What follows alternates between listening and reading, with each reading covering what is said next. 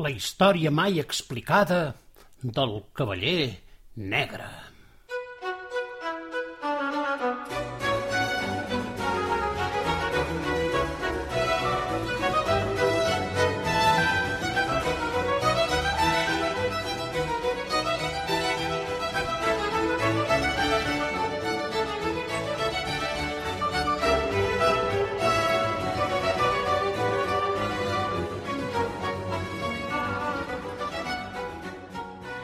Això era un nen que somiava ser un cavaller, però no un cavaller qualsevol, sinó un cavaller amb espasa i llança i armadura i un elm amb un plomall al capdamunt i amb un cavall blanc com la neu. Quan li va explicar al seu avi, aquest va recordar Tirant-lo Blanc, un cavaller molt famós del qual un escriptor havia escrit les seves aventures i les explicava per pobles i ciutats. Aleshores el nen va demanar-li a l'avi que li expliqués coses d'aquell cavaller. Encara faré més. T'armaré cavaller. Perquè has de saber que jo puc armar cavallers gràcies a que el rei de la parsimònia m'ha donat poders. El rei de la parsimònia? Quin rei és aquest? va preguntar el nen. Un rei a qui li agrada que totes les coses es facin molt a poc a poc i ben fetes. Aleshores l'avi va agafar una canya de bambú, un pal de plataner i una olla trencada que tenia el traster on hi va fer un fonat i li va plantar un expulsador al capdamunt. I així, amb aquestes coses, es va disposar a armar cavaller el seu net. Jo, pel dret que m'ha atorgat el rei de la parsimònia, t'armo cavaller de la baldufa. De la baldufa? va dir el nen. I no, jo vull ser el cavaller negre. Està bé. Aleshores seràs el cavaller negre. Aquí tens la llança, que és llarga i amb la punta esmolada. Amb ella el cavaller fa tornar enrere els enemics. I així li va donar la canya de bambú. Aquesta és l'espasa que bé pot tallar per dos costats i ferir per la punta. És per això que l'espasa és la més noble de les armes. I li va donar el pal de plataner. I aquest és el cavall que representa el... Eh, però, i el cavall? No en tinc de cavall. Com que no tens cavall? Ara mateix em vaig a buscar un. I l'avi va anar corrents a buscar una escombra, li va lligar una corda i li va portar el nen. Aquí tens el cavall. I així com el cavaller ha de vetllar pel seu cavall, també ho ha de fer pel poble. Si tens cura de totes aquestes armes que t'he donat, Coneixeràs tots els secrets de l'art de la cavalleria. Finalment, l'avi li va posar l'elm amb el plomall i el nen, de cop i volta, es va imaginar cavalcant cap a un castell, el castell del rei de la parsimònia. I així es va passar tota la tarda jugant, i s'ho passava tan bé que el seu germà va voler ser cavaller.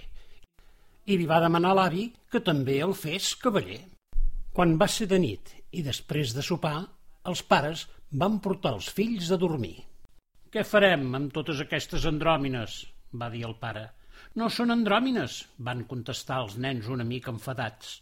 Són les nostres armes de cavaller i l'avi ens ha dit que un cavaller no dorm mai separat de les seves armes.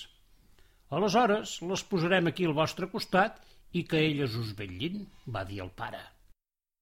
El dia havia estat llarg i el joc trepidant, així que ben aviat van caure en un son profund.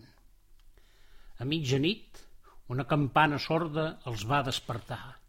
Era un repicar lent i parsimoniós.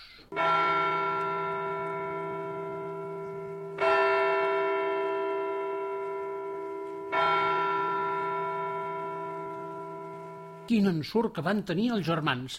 Els dos van anar a correcuit al llit dels pares i es van amagar sota els llençols.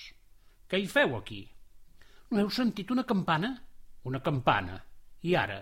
Aquí estem lluny del poble i les campanes de l'església no senten. Au, au, torneu al vostre llit.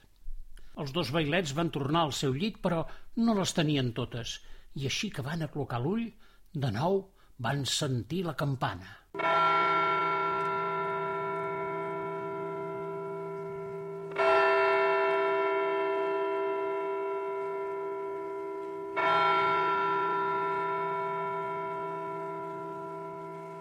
Aquest cop, però, no van córrer al llit dels pares, sinó que es van posar al mateix llit, es van tapar ben tapats i van esperar a veure què passava. No us amagueu, sóc jo, el rei de la parsimònia, que us vull demanar que m'ajudeu. Els dos germans van treure el nas de sota els llençols, però no van veure ningú. On ets, que no et veiem?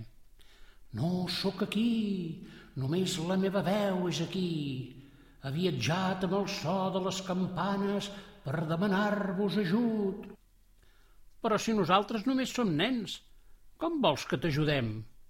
Si no m'erro, heu estat armats cavallers i un cavaller mai no refusa anar a ajudar a qui el necessita. Un rei ens necessita? van dir els dos germans alhora. Seria rei si tingués cavallers al meu costat, però tots els que tenia han estat encantats pel cavaller negre i el seu temible drac. No pot ser, va dir un dels nens.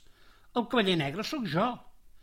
Vet aquí la raó perquè el cavaller negre ha encantat els meus cavallers. En saber que hi havia un altre cavaller negre, s'ha presentat al meu castell per desafiar-lo, però com que no hi eres, s'ha batut amb tots els altres i els ha vençut.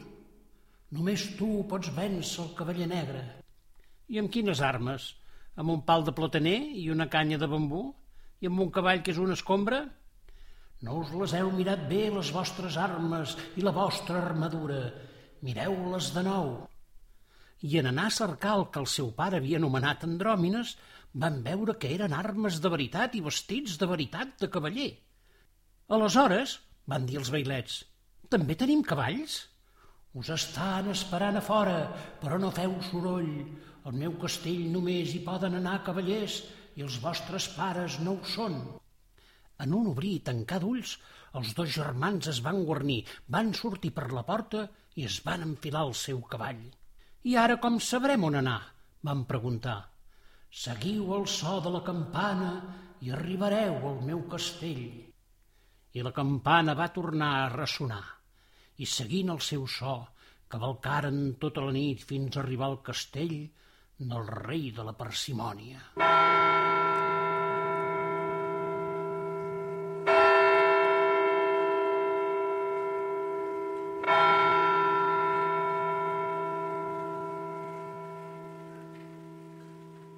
Fi de la primera part del conte del Cavaller Negre.